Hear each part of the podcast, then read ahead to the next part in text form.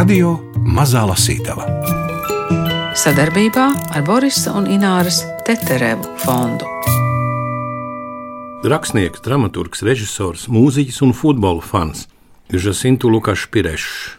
Dzimis 1974. gadā, tagad dzīvo Lisabonā. Kā tu atradi šo grāmatu? Ļoti nejauši. Tiekoties ar tulkotāju Edvīnu Raupu, lai runātu par portugāļu rakstnieka Žastīnu Lukašu Pīreša grāmatu Īsts aktieris, Gunārs Aboliņš runā ne tikai par teātri, bet arī par Eiropu, dzimumu lomām un neveiksmīgām teātra projektu iecerēm. Un, protams, mēs runājam arī par to, ka portugāļu literatūru mēs ļoti maz pazīstam. Viņš pats nav aktieris. Viņš, à, nu, viņš ir dramaturgs, režisors, mūziķis nu, un futbola fans. Es domāju, viņš pazīst aktierus. Nu, aktieri, nu, aktieri paši sevi reizēm nemaz tik labi nepazīst, jā. bet viņš pazīst. Pirms raidījuma es meklēju, kas ir pieejams no portugāļu literatūras latviešu valodā diezgan trūcīgi. Tā ir taisnība no portugāļu valodas, bet ja vēl sašaurinām šo lauku no Portugāles. Tieši, tad, pavisam. tad ir pavisam maz mums pārstāvju. Es pat nevaru atbildēt, varbūt ir bērnu literatūrā. Šis tas, cik es zinu, liels un mazs, varbūt ir izdevies. Nu, labi, atgriežamies pie jautājuma, kā tu izvēlējies tieši šo grāmatu? Tātad šo grāmatu izvēlējos pilnīgi nejauši. Mums bija saruna ar izdevniecībām Minori. Kā izrādās, man par lielu pārsteigumu, portugāļu valoda ir ļoti pieprasīta no dažādu fondu puses. No komerciāla viedokļa, sakot, ir vieglāk dabūt finansējumu nekā tiksim, grāmatai angļu valodā.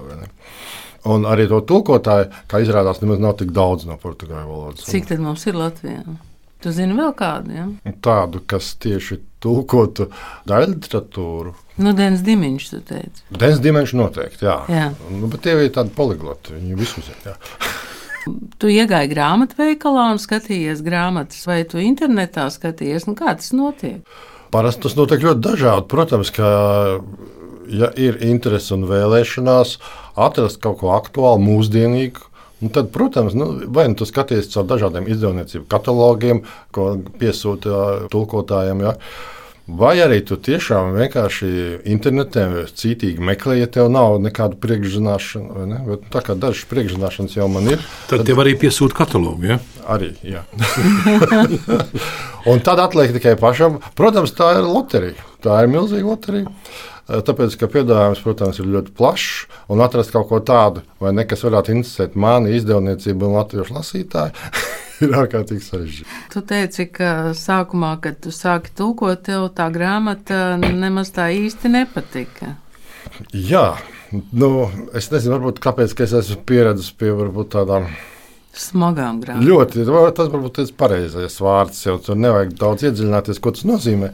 Bet tiešām pie tādām smagām grāmatām un arī dzēs. Līdz ar to mm, tas bija pilnīgi cits uh, plauktiņš. Bet, nu, kā jau es teicu, kaut kas man piesaistīja. Tad, kad es biju iztulkojis šo grāmatu, jau bija izdota un es jau to izlasīju vākos, es sapratu, ka es nekļūdījos. Pastāsti mums kaut ko par galveno varoni. Pirmkārt, viņam ir e, vārds, nu, kas man sākumā mazliet mulsināja, tā forma. Ameriku? Jā, tā ir e, tāda portugāļu izruna.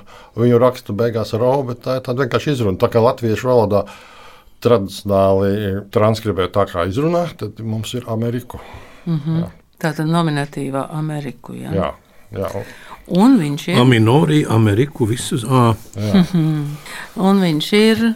Nu, aktieris. Es teiktu, garš stāsts, kas viņš ir. Jā, es jau teicu, viņš ir futbola fans, mūziķis, Tas režisors, dramaturgs.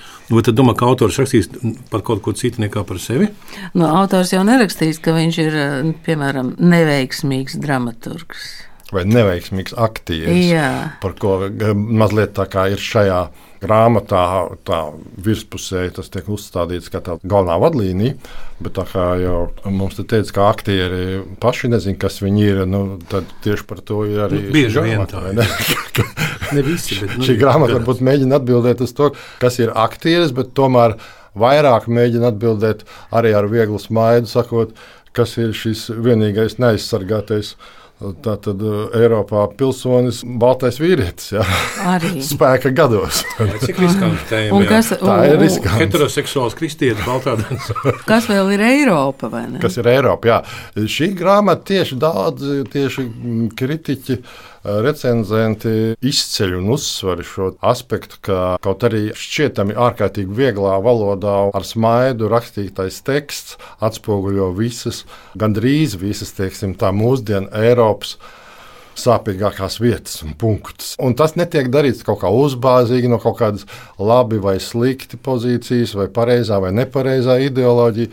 Tas vienkārši caur vienu cilvēku iekšējās pasaules atspoguļojumu tiek pasniegts uz paplātes. Man viena pazīstama žurnāliste teica, ka šo grāmatu vajadzētu lasīt no vāka līdz vākam, visu vienā elpas vilcienā. Bet tas būtu tas pareizais pieejams. Es domāju, jā, es domāju, ka tieši rakstības stils, kādā autors to raksta, neļauj tev daudz ieelpot. Viņš skrien, būtībā skrien, viņa dvēseli skrien, es varbūt teiktu tā, vai ne? Un viņš tā augstu atrast šo atbildi, lai gan tur ir arī kriminālā intriga, kas lasītāju var maldināt, ka, ka it kā grāmata ir detektīvs, Nav. lai, lai atrastu vainīgo. Un beigās mēs, labi, es nevaru teikt, kas ir beigās. Nē, nu nevar to teikt. Bet, Gunār, iedomājies, tu tagad iejūties tajā aktierādā, ka tev kādu laiku nav darba. Un tev pēkšņi piezvana režisors no Amerikas, laikam, Jā, no Holivudas. no Holivudas, un uzaicina uz uh, lomu. Uz provēm. Jā, Nē, tur pat ne uz provēm, tur uzreiz uz lomu. U- Uzreiz viņam eh, t- piedāvā galvenā varoņa lomu, ko uzņemt Eiropā.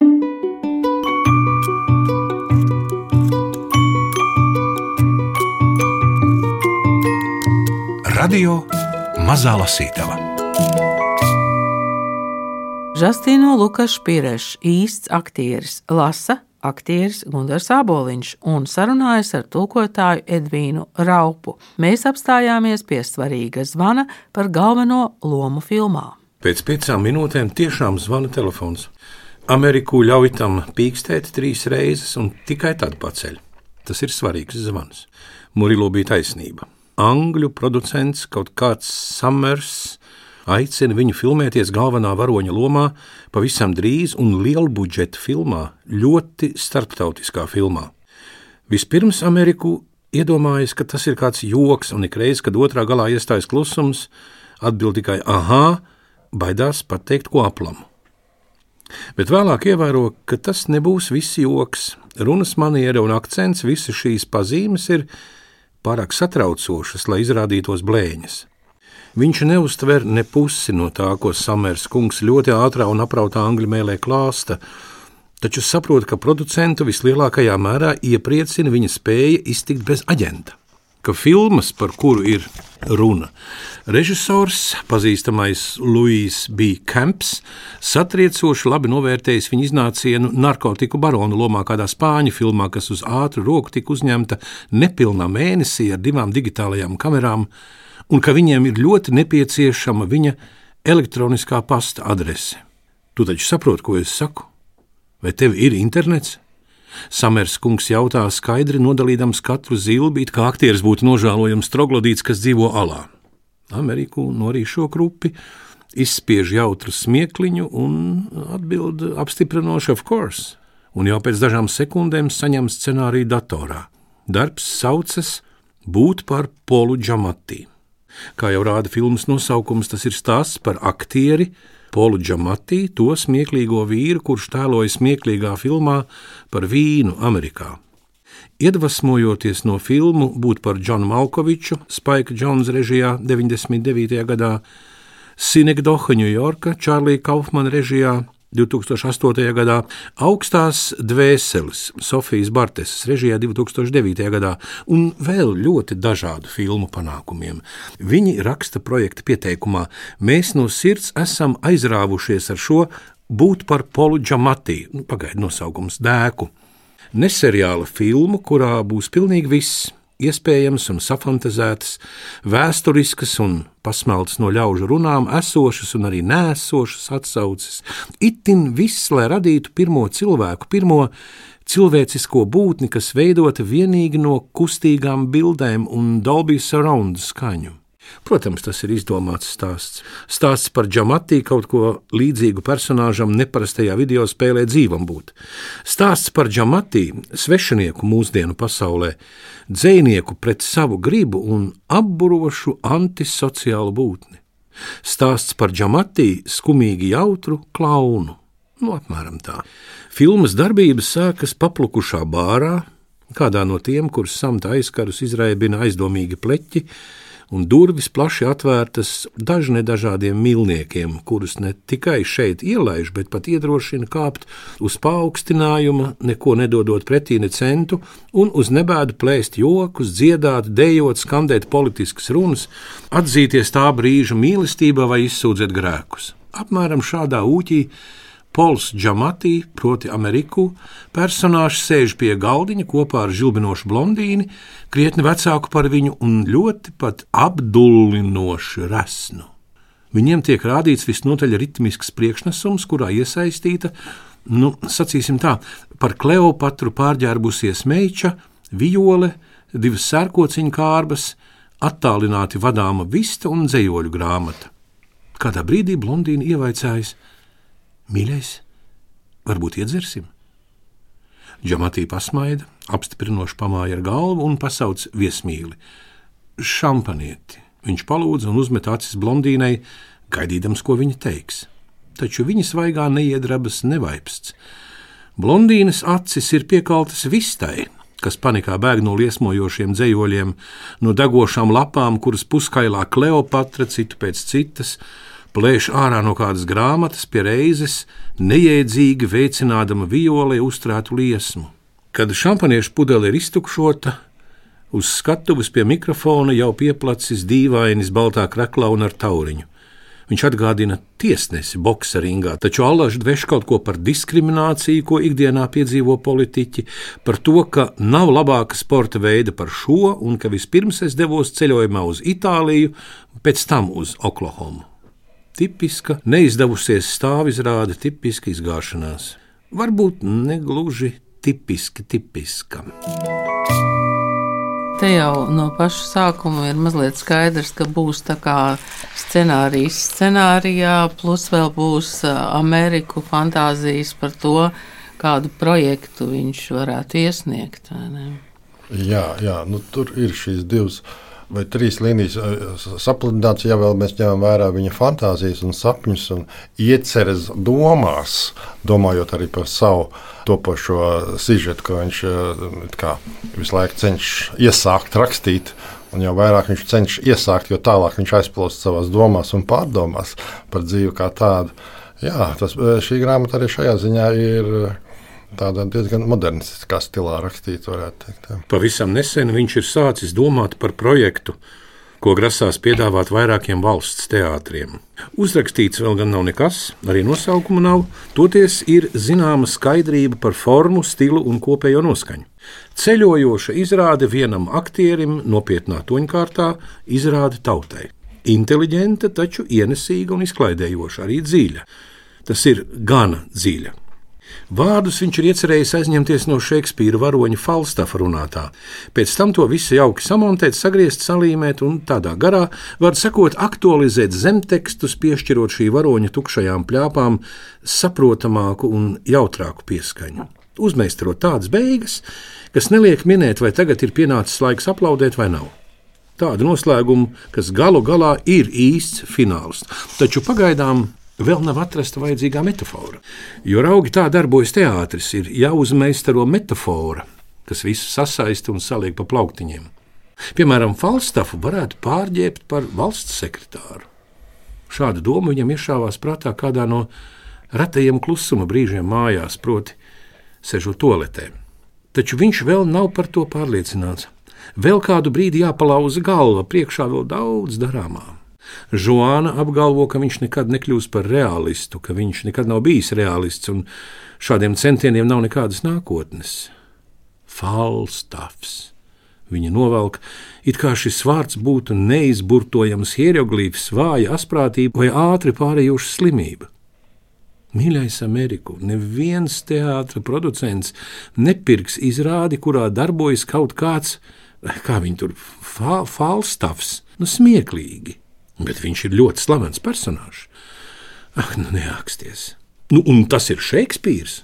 Šekspīrs, Šekspīrs. Vai mīļiņ, tas izklausās vēl ļaunāk? Nesaki man mīļumiņu tādā tonī, lūdzu. Tā tad tev ir jau divi spocīgi vārdi. Un tu tiešām tā domā? Domāju, Ameriku domāju gan.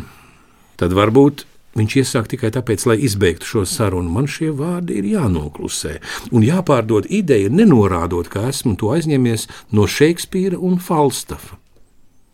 Mm, jā, jā mīļiņa, sliktāk jau nebūs. Te man liekas, parādās vēl viena līnija par to balto vīrieti, ne, kuru sieviete apgriež spārnus.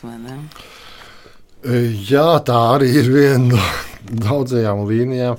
Kā jau mēs runājām, šajā grāmatā tiešām ir tā konspektīvi ļoti aktuāls, vai ne? Mūsdienu tiešām nu, Eiropas, tieši nevis mūsdienu, nu, vienkārši tāpat, vai ne? Bet tieši Eiropas uzsverot Eiropas. Jā.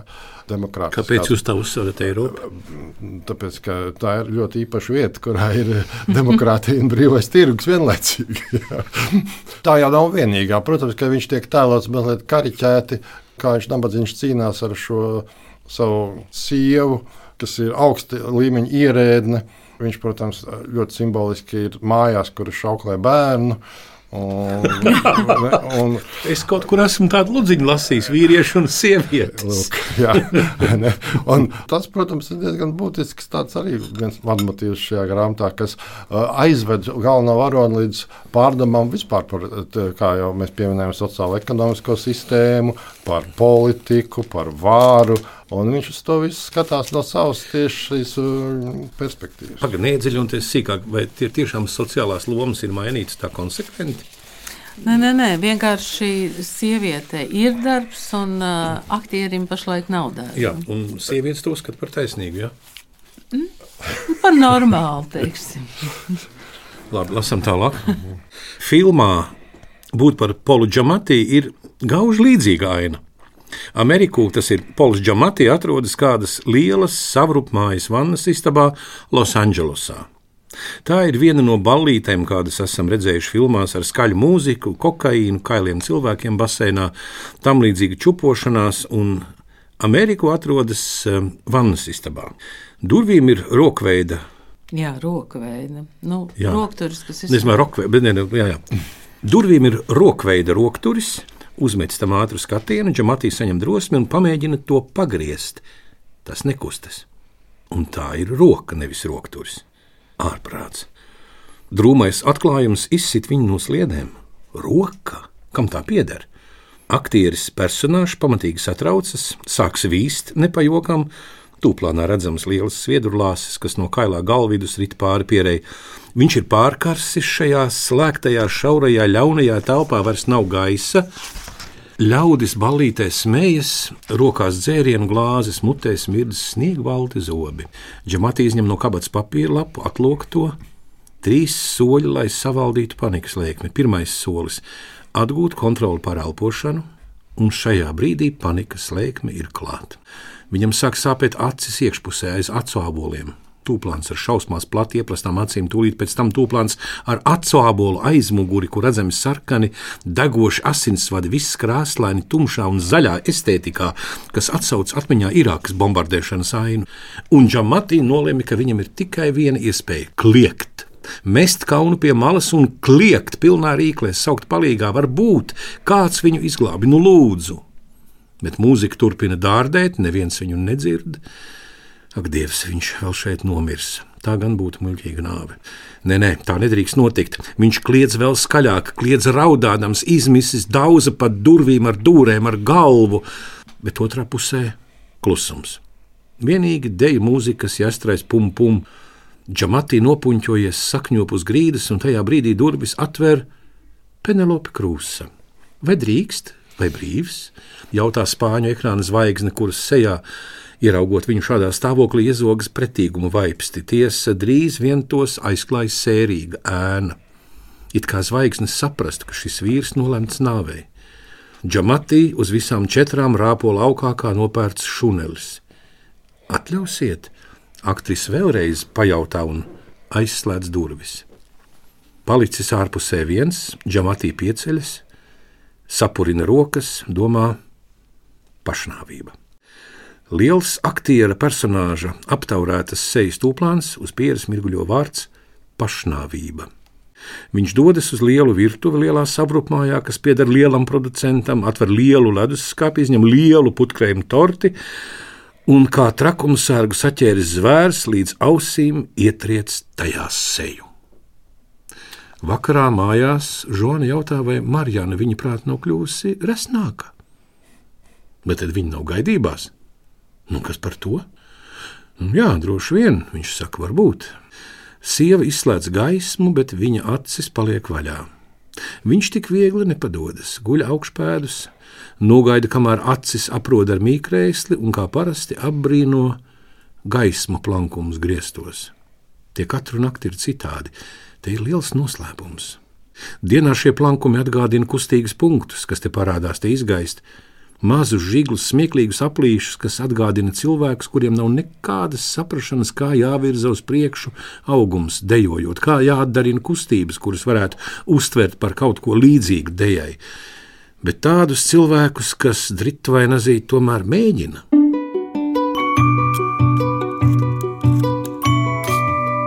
Vai tik autors nav bijis kādreiz arī scenārists un uh, neveiksmīgu projektu rakstītājs. Nu, nu, es, jau, nu, es jau trešo reizi to nolasīju. Kad dramaturgs. Viņš taču raksta par sevi. Nu. Jā, viņš raksta par sevi. Jā. Bet, nu, jā, man patīk arī, nu, ka viņš izmanto šo surrealistiskos tēlus, lai attēlotu kaut kādu izmisumu pakāpi, un tad uzreiz ieliek galveno varoni blakus sievai gultā, kuras kaudrā realitāte. Nav Penelopas krūze. Jā, tas nav Penelopas krūze. Satikties mazmāņā ar Penelopu krūzi un pēc tam pamosties blakus sievai gultā. Jā. Ir, jā, jā kur jautā kaut ko ļoti ikdienišķu. Man šķiet, ka tur tālāk arī viņi jautā, kā pagāja viņa diena, vai ne, un ko viņš tādu veiksmīgi ir izdarījis. Tā Ar Falstafa projektu kaut kas nav kārtībā, tas nav skaidrs.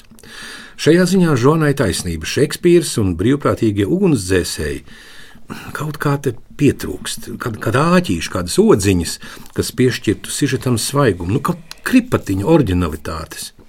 Bet, ja tas nav falstafs, kurš tad? Ameriku virtuvē ierauga sapuvušu ābolu augļu grozā ar kastaņbrūnu apli uz sarkanās sfēras. Varbūt Brehts. Hmm, tas būtu labs risinājums, ņemot vērā, ka lielais vairums no tās vārzas, kas stūrē kultūras dzīvi, uz tiem laikiem skatās sapņainām acīm, uz laikiem, kad vācu teātris šķita piemērots ierocis, lai mainītu pasauli. Tā tad Brechts. Ameriku skaļi novalk tukšajā virtuvē, it kā vingrinātos izrunā, uzsverot skaņas R un T. Bertolds Brechts.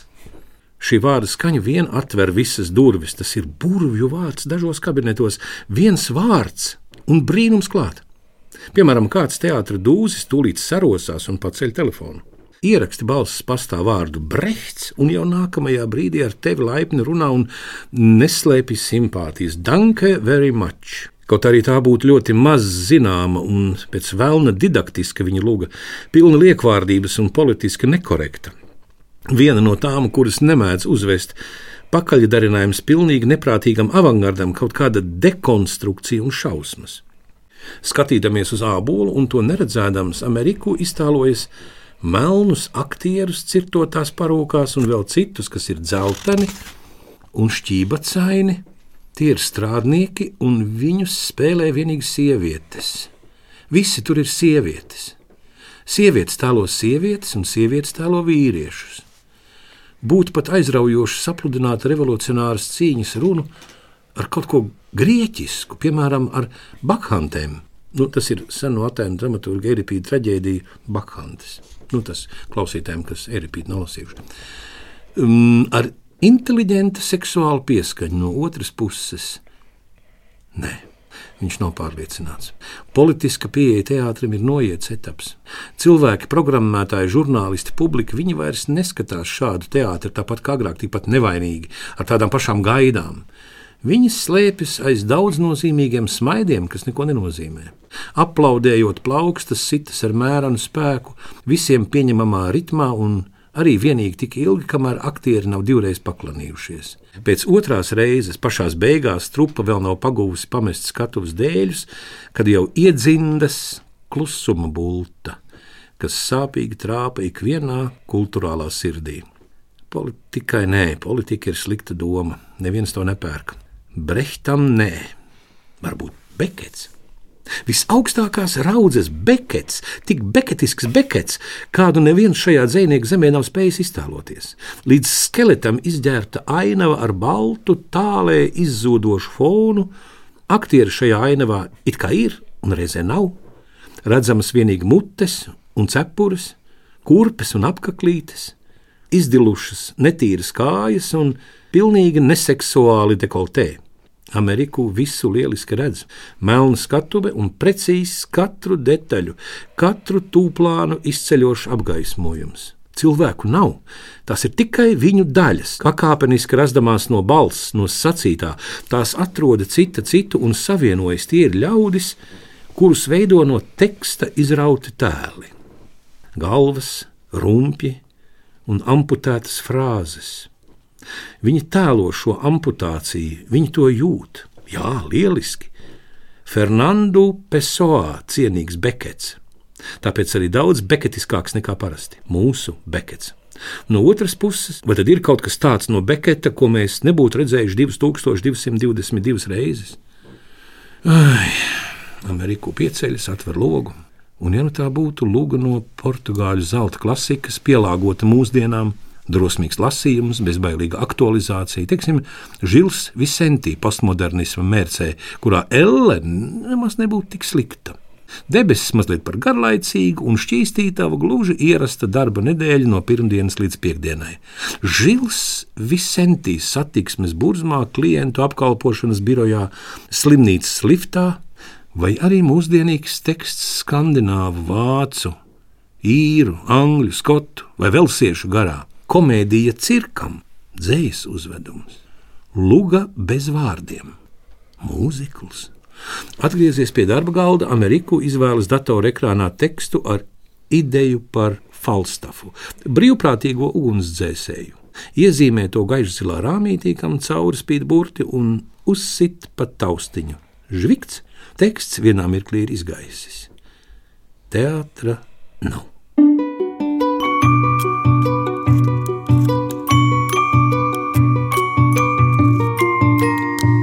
Radio Mazā Lasītava.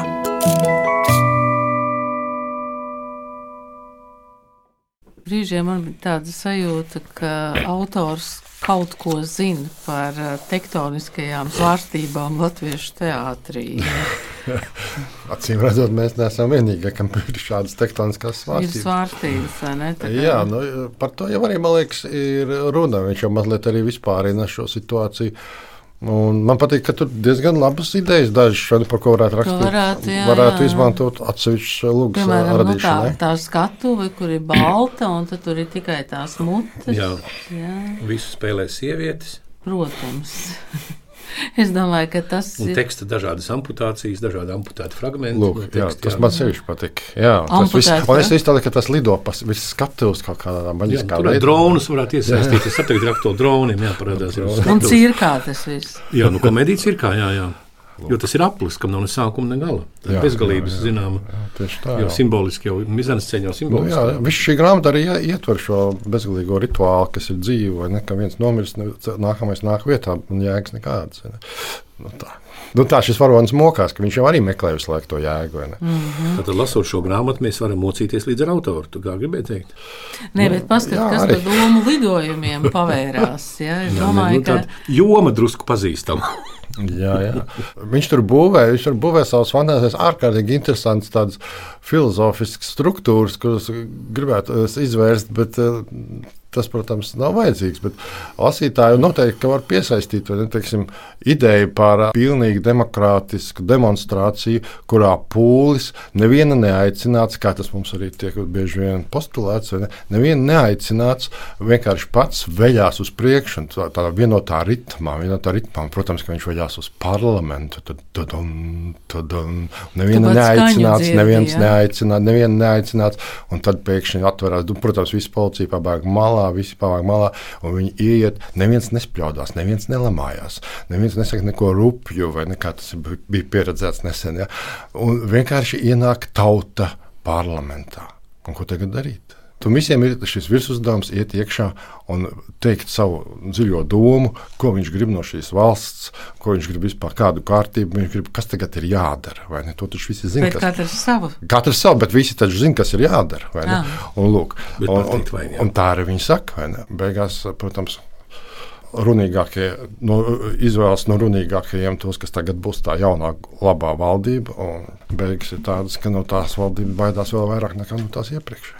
Ir pagājusi nedēļa, un Ameriku lielajā istabā pieskata dēlu, kurš klumburē apkārt un tā vien lūko kaut ko sasist. Iemidzināt mazo tēvam neizdevās. Pēc pusstundu nemitīgas brēkšanas, jūzdams, ka galva tūlīt pārplīsīs kā piepūsts balons, Ameriku nolēma padoties. Un te nu mēs esam. Uzvaras saldās garšas pavēnī Smaidīdams kā mēnesis sērdzīgs, mazulis klaiņo pa māju un sēj iznīcību. Žokim, nē. Nē, Žokim, pie vēlna, cik reižu man tas jāsaka. Valsts tikām ir pieredzējusi revolūciju. Daudz sapņojusi par sevi kā pilnīgi jauna veida sabiedrību, baidījusies par vispārēja hausa iestāšanos, runājusi par aiziešanu piespiedu kārtā no Eiropas Savienības, strīdējusies par dienu, kad Startautiskais valūtas fonds izvirzīs stingras prasības, prātojusi, ka drīz šīs teritorijas pārņems Anno zilās beretes un pēc vairākiem lielas neskaidrības mēnešiem tautas parlamenta vadībā izsludinājusi tiešas, bezpartijiskas vēlēšanas, kurās drīkst piedalīties ik viens pilsonis no 16 gadu vecuma, tūkstošiem cēlu augstu sapņu, un galu galā viss, vai gandrīz viss, atkal ir iegājis vecajās sliedēs, pa kurām tagad stūrē Nacionālās glābšanas valdība, ko veido cilvēki ar neaizstājamu pieredzi un bez kripatiņas kauna. Oi! Kur es šitos nu pat lasīju? Arī ar Ameriku, kurš viens pats mājās pieskata bērnu, kamēr Žuana Olīva kantorī pelna iztiku, ir noticis tas pats, kas ar valsti. Viss, gandrīz viss, atkal ir iegājis vecajās sliedēs. Nē, tā nedrīkst. Atbalstījies pret zemo kafijas galdiņu, Žokims ir sakāmpis vāzi. Žoana par to deva kaudzi naudas un vēl mazliet. Mazais skatās uz tēti, trīkst ironisks smaidiņš, kas liecina, ka atbilde ir jau zināma. Nē, nē, piepieši iezvanās telefons. Jā, kā jums klājas, doktor Ameriku? atskan sievietes balss. Paldies, labi, bet šodien ir piemērota diena mūsu sarunai. Ko? Vai tūlīt? Nē, ne tūlīt. Ah, cik labi. Nu, šodien man ir jāpieskata mans pēc stundas pieturā numur 229, tūlīt aiz līkuma pie akvedukta. Pie akvedukta? Ameriku vēro žokim, kurš velk pa grīdu mammas dārgo vāzi pie akvas līvres akvedukta, kaut kas vēlnišķīgs. Telefonā Rozanas balss ir gandrīz, gandrīz tāda pati kā Karlai Brūni. Atšķirība tikai elpošanā, kas dzirdama aiz vārdiem, un šī ir ļoti satraukta sirds elpa, it kā cilvēks runātu, stāvēdams uz bīstama ielas stūra un skatīdamies otram pār plecu, it kā cilvēks runātu Ameriku domā par degošu telefonu. Jautājums ir ārkārtīgi svarīgs. Žustinu Lukašu Pīrešu, īsts aktieris, no portugāļu valodas tulkojas Edvīns Raups, izdevis Aminorī.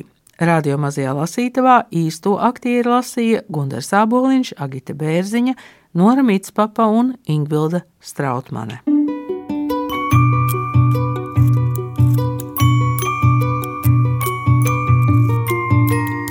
Radio Mazā Lasītava sadarbībā ar Borisa un Ināras Teterevu fondu.